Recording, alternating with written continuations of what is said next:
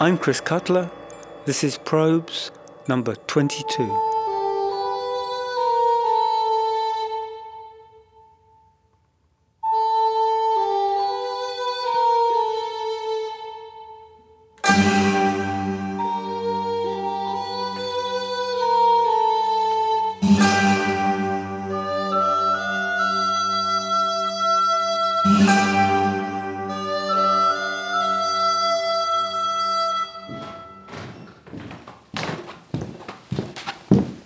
There's no such thing as pure experience.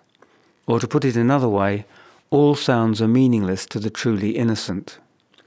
So when John Cage famously suggests that we just let sounds be themselves, we know, even if we think we can sympathize with what he wants to mean, that philosophically he's just whistling in the wind.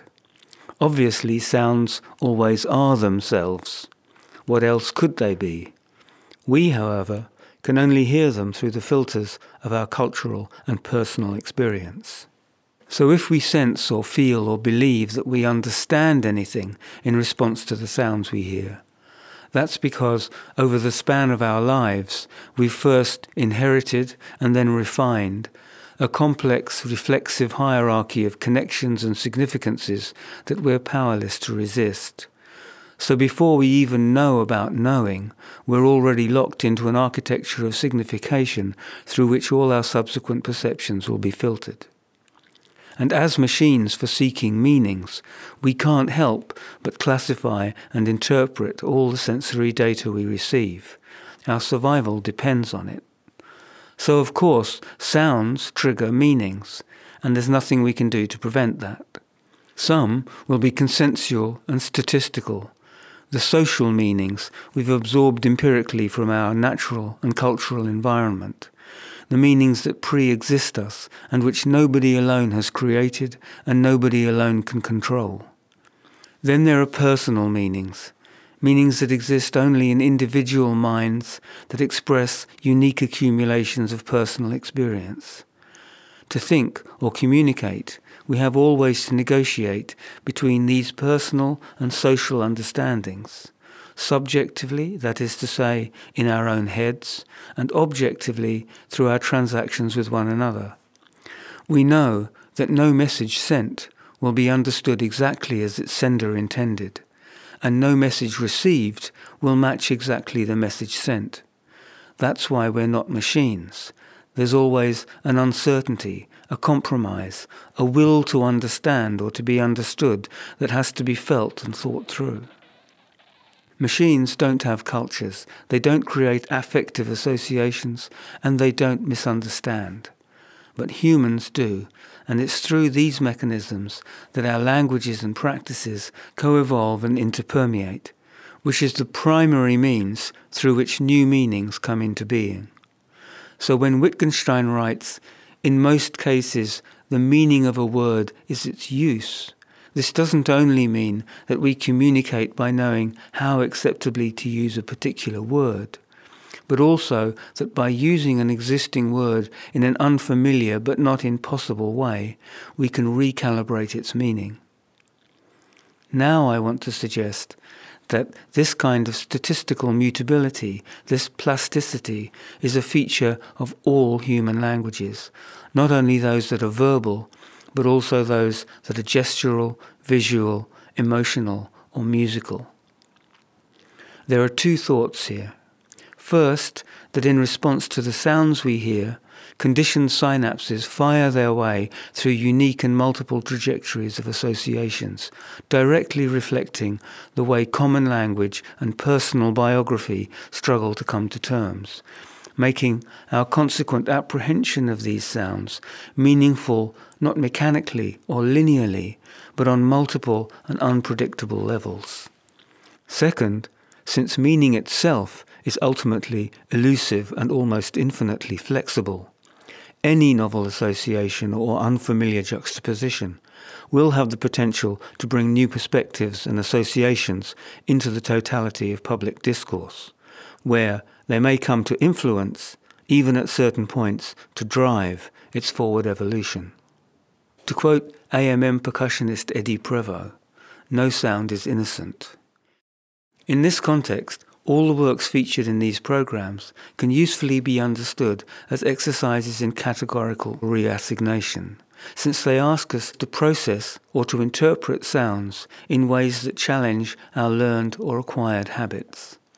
And in instances where primary materials remain unchanged, then it's their unfamiliar context, and therefore our interpretative strategies, that are responsible for the creation of new meanings.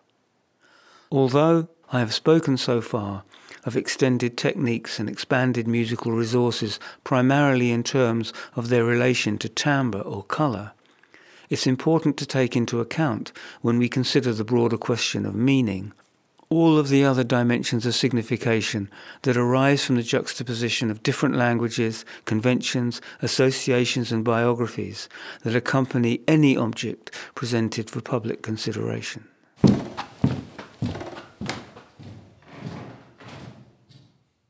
We'll start this probe with a familiar song.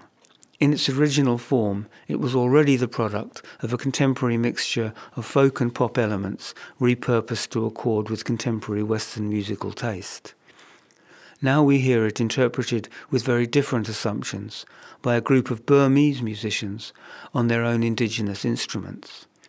It's a confection, of course. They didn't come to this idea on their own. The project was commissioned by a Western record label to capitalize on the popularity of so called world music. So it's motivated by, well, who can say, cultural curiosity, the spirit of research, commercial novelty? Perhaps it doesn't matter, but the result invokes a fascinating mixture of messages. There's certainly nothing simple or innocent here, even if that's the way we're expected to interpret it.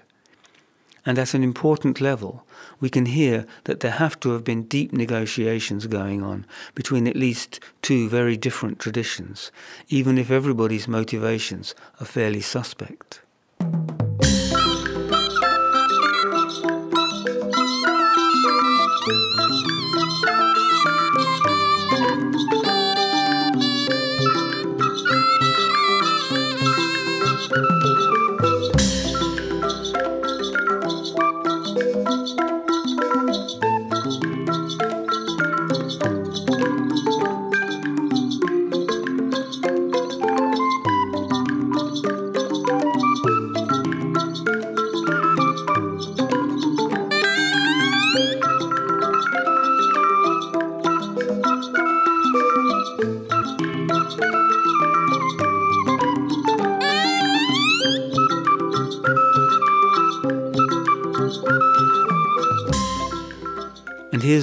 Dylan's songs from the same project, this time played by musicians from southern Egypt. You could run a seminar on the complexities of these confections.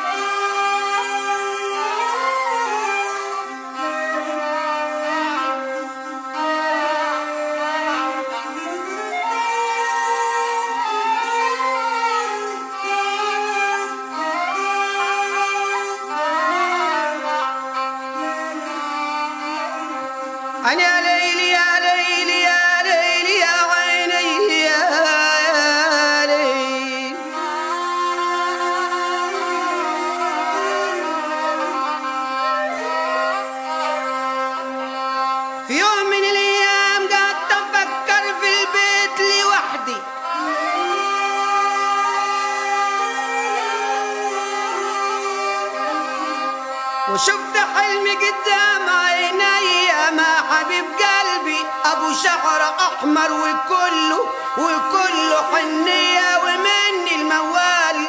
واسمعوا. تنقل لب بلو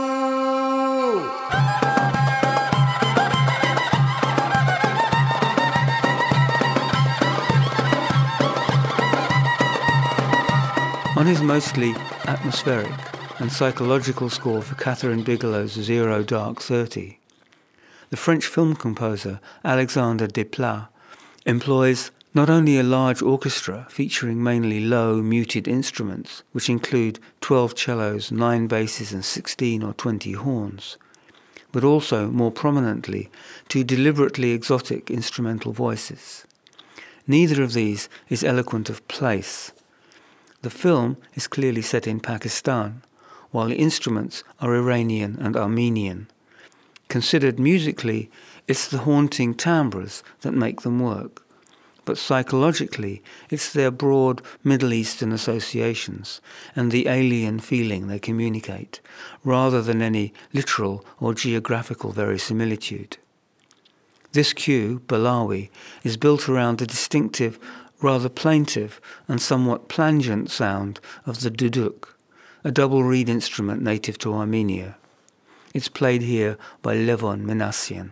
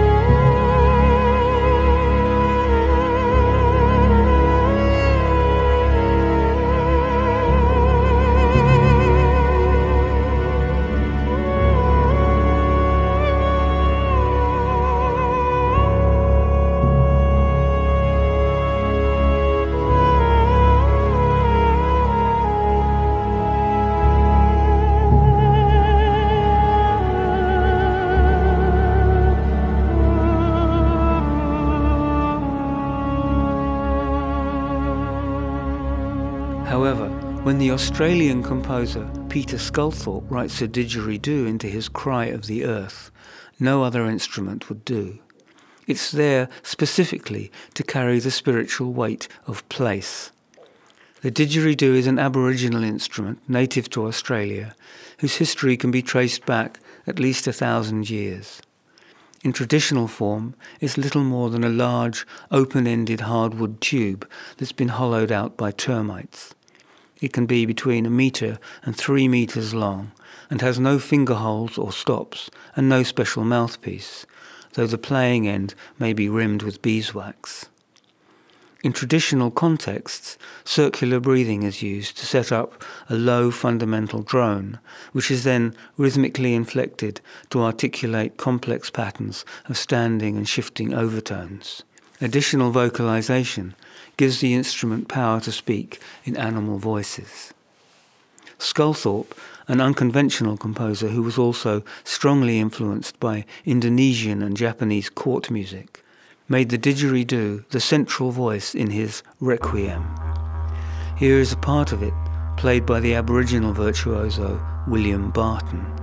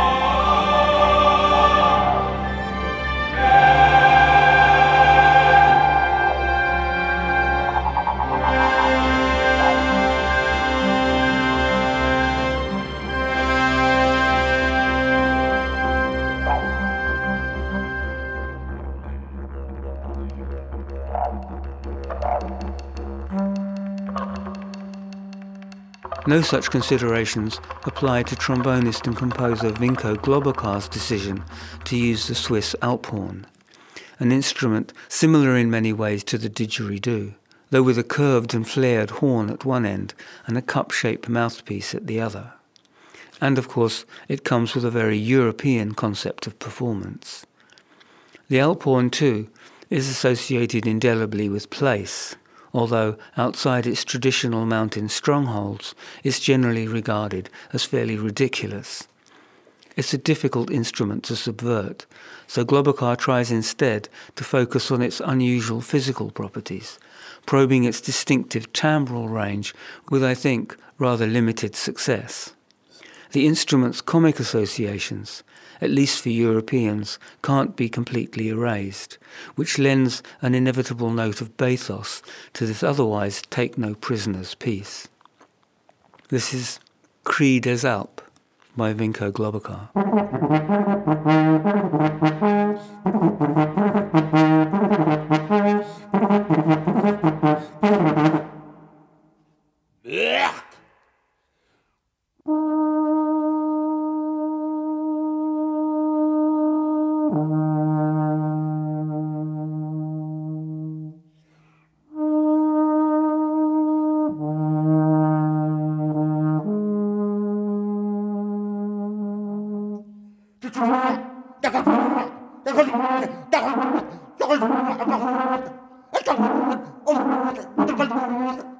Ah!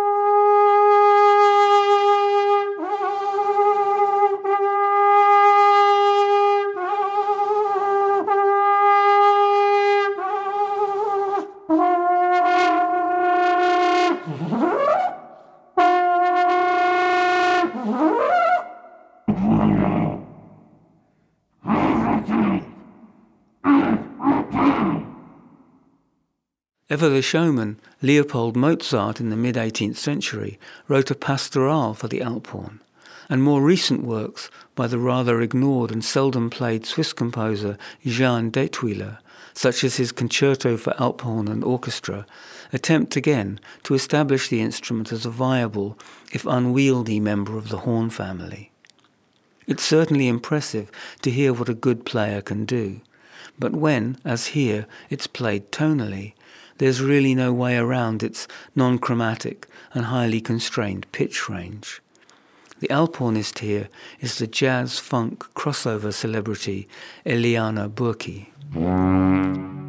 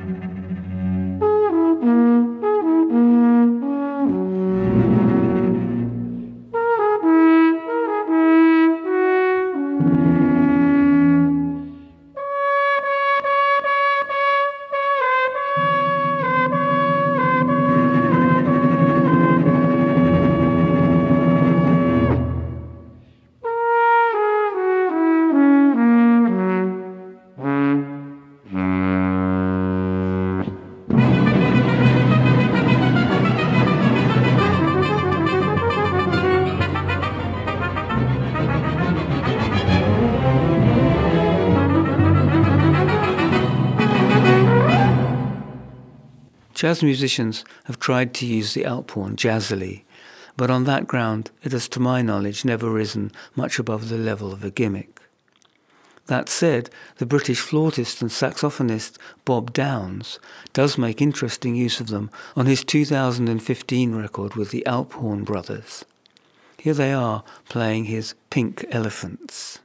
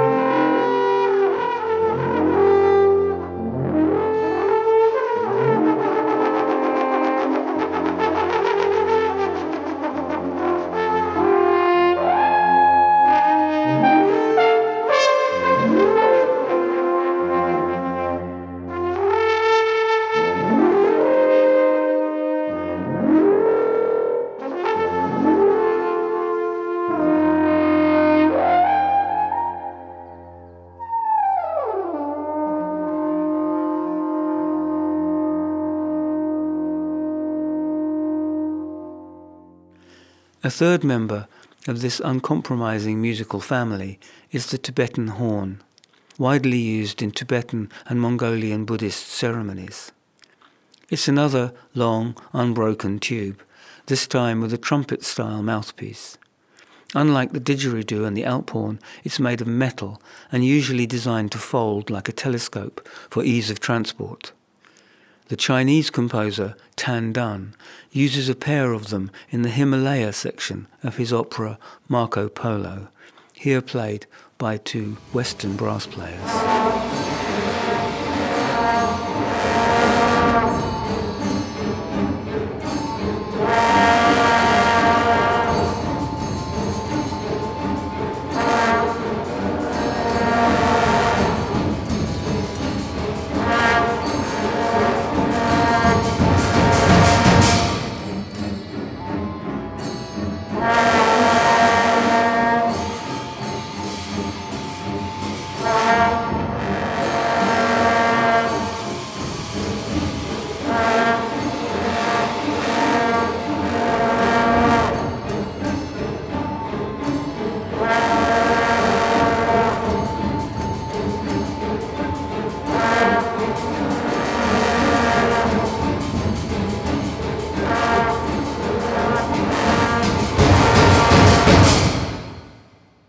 Once adventurous Occidentals had experimented with instruments from alien cultures, now it's far more common for non-Occidental composers and performers trained in or just fascinated by Western musical forms to bring their own national instruments into Western orchestral or ensemble contexts.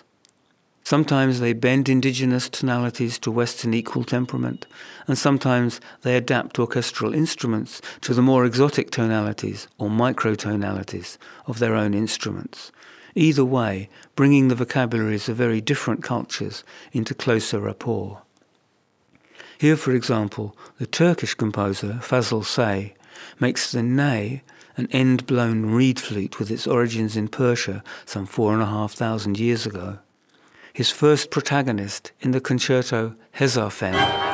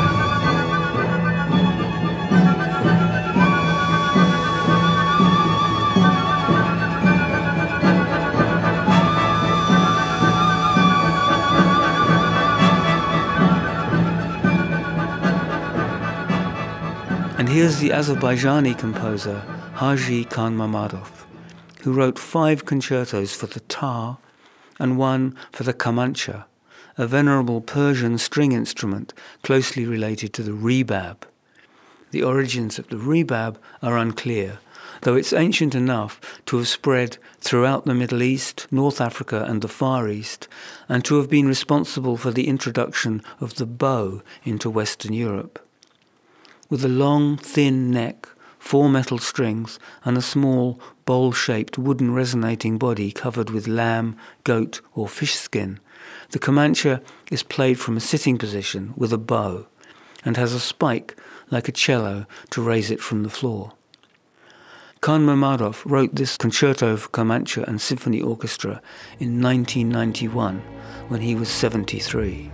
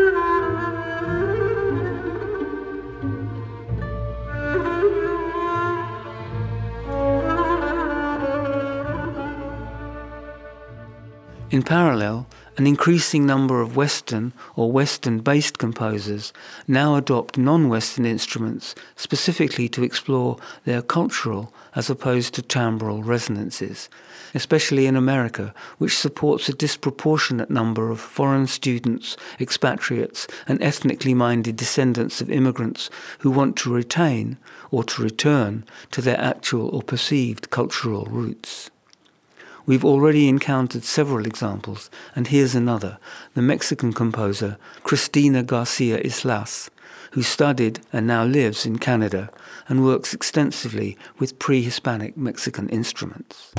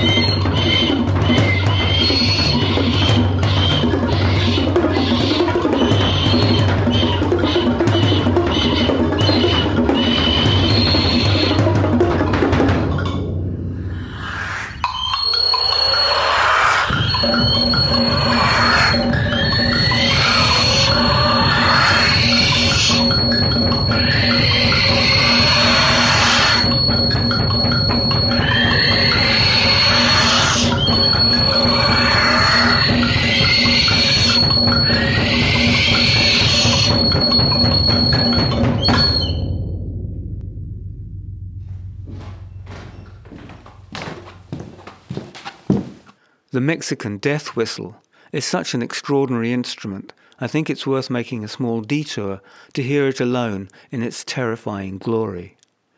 It's a tiny, internally complex aerophone, about the size of a small plum.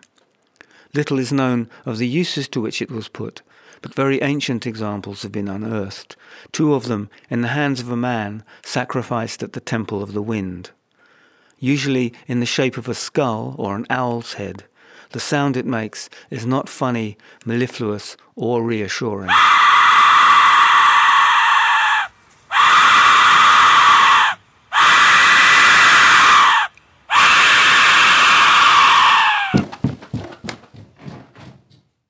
However, tradition, or considerations of place, could not be further from the minds of performers like the German improvising saxophonist Peter Brötzmann or the American Joe Lovano when they decide to adopt an instrument like the tárogató. For them, sound is the salient feature. The tárogató was originally a very loud Turkish double reed instrument with a conical bore and no keys, until it was reinvented in Hungary in the late 19th century as a single reed instrument made of wood and sounding not unlike an English horn. Here's Peter Brötzmann improvising on one, accompanied by the German percussionist George Fischer.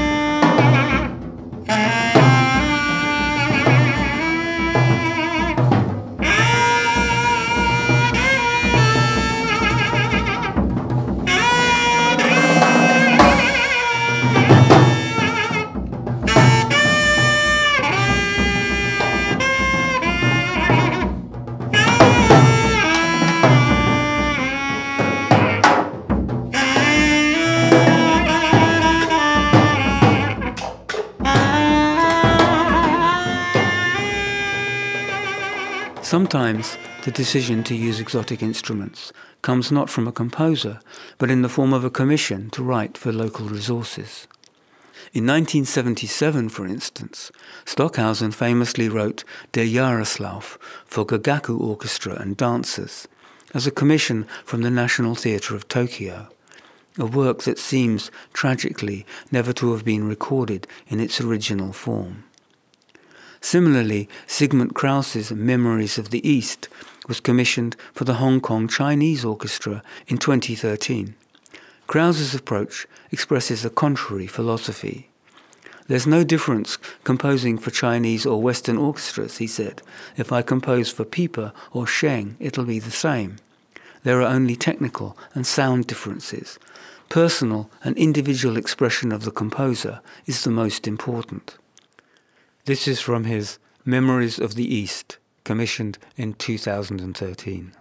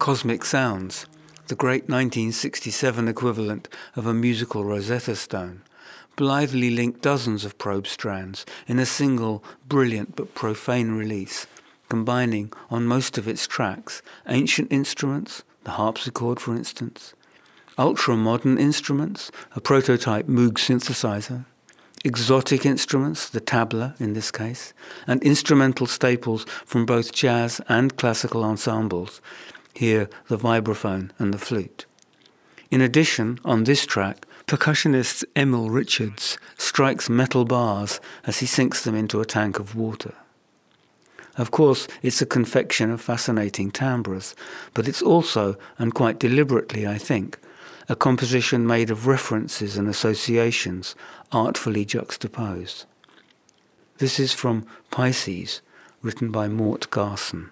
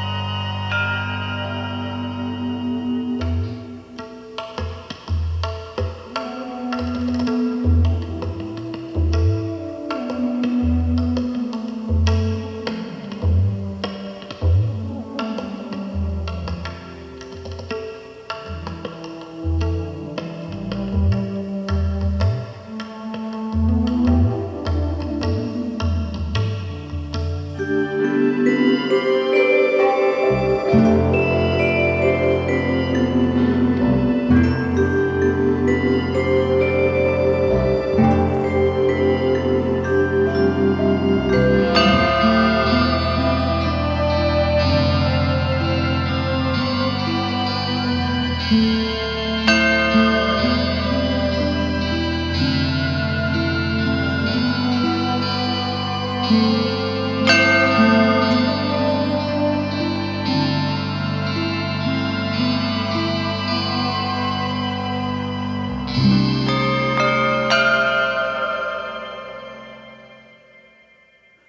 Years later, in 1969, the French Baroque jazz trio were trying to marry together the fashionable sounds of the day.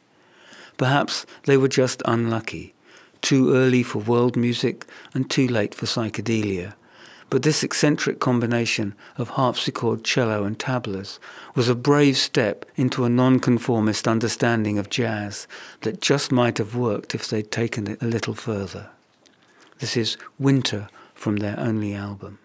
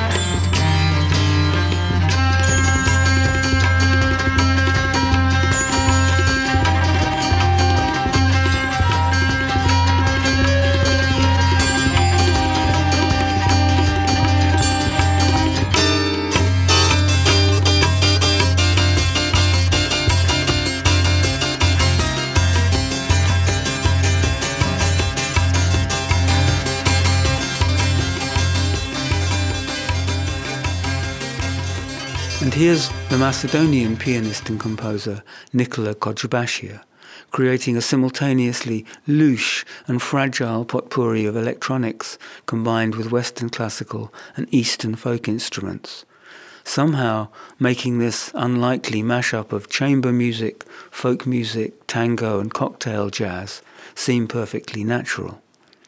This is the opening of The Most of Now, recorded in 2007. Sound,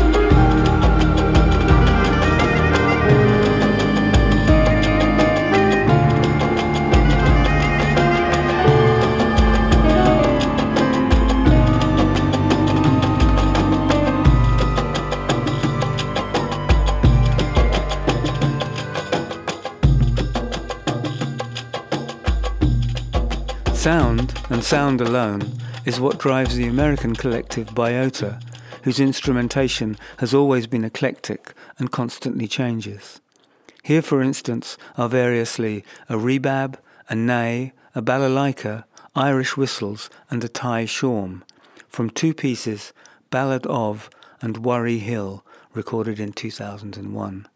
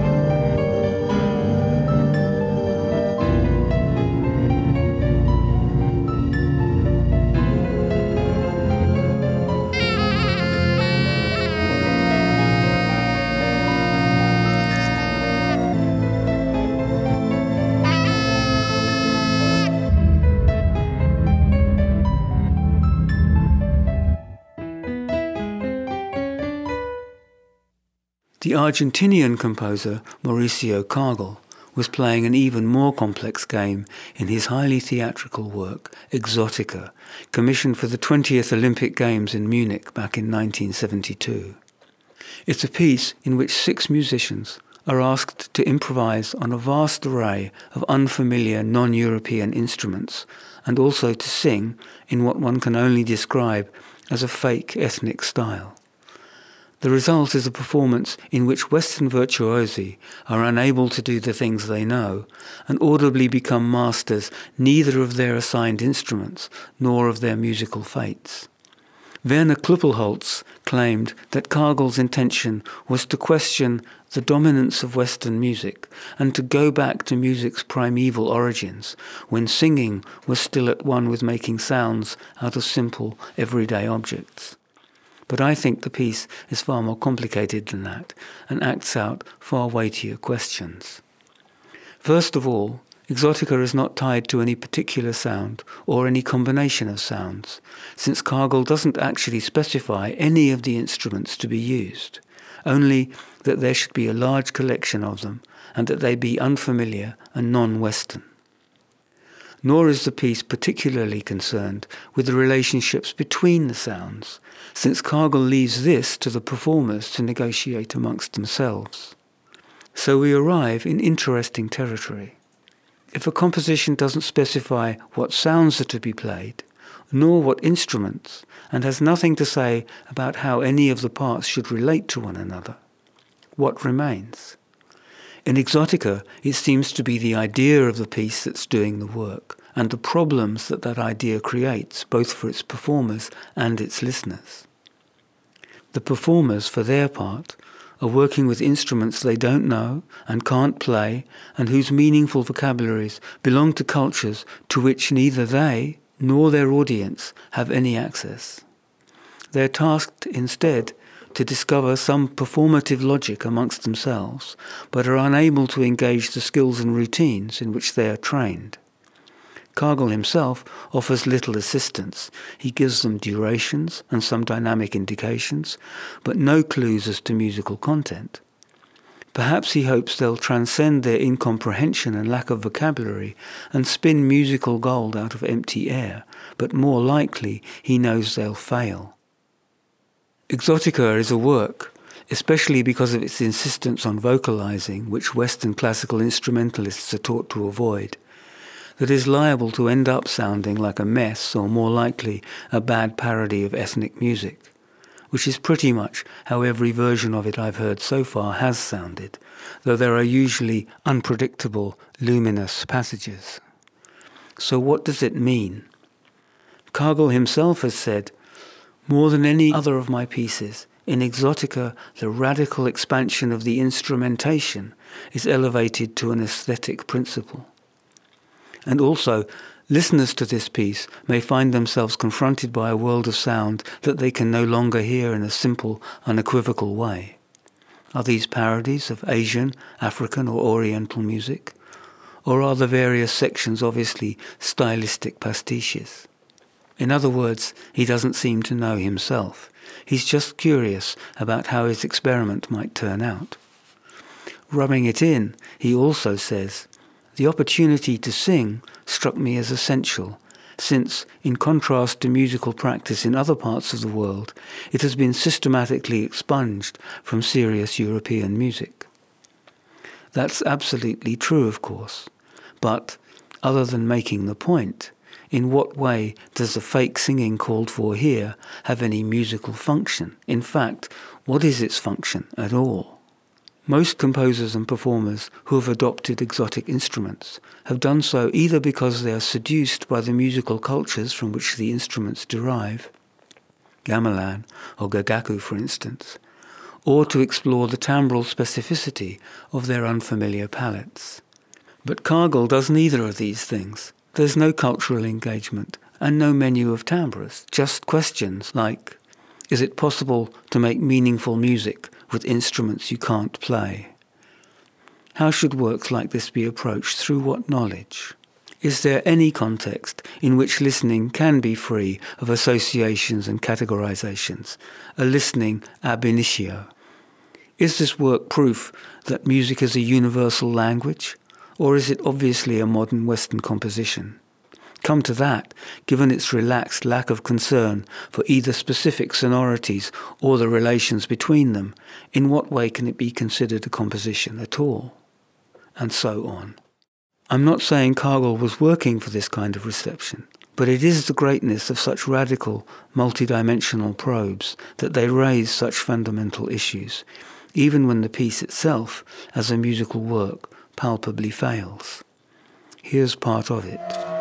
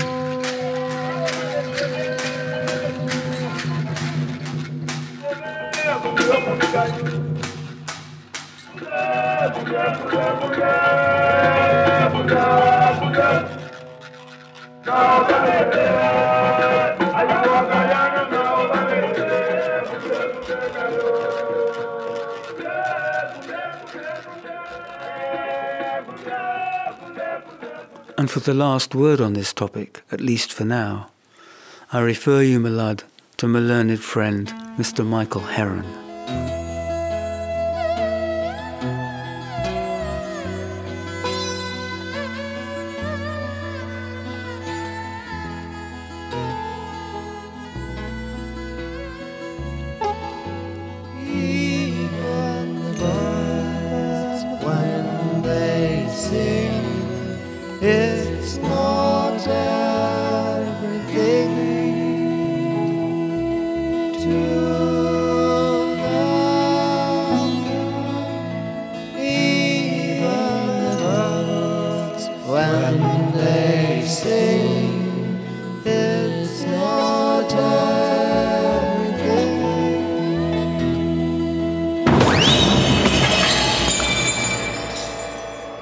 Episode, we'll be raiding the toy cupboard, so bring your pacifier and a colourful balaclava.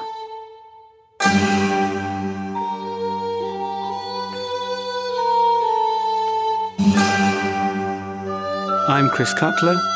This has been Probes.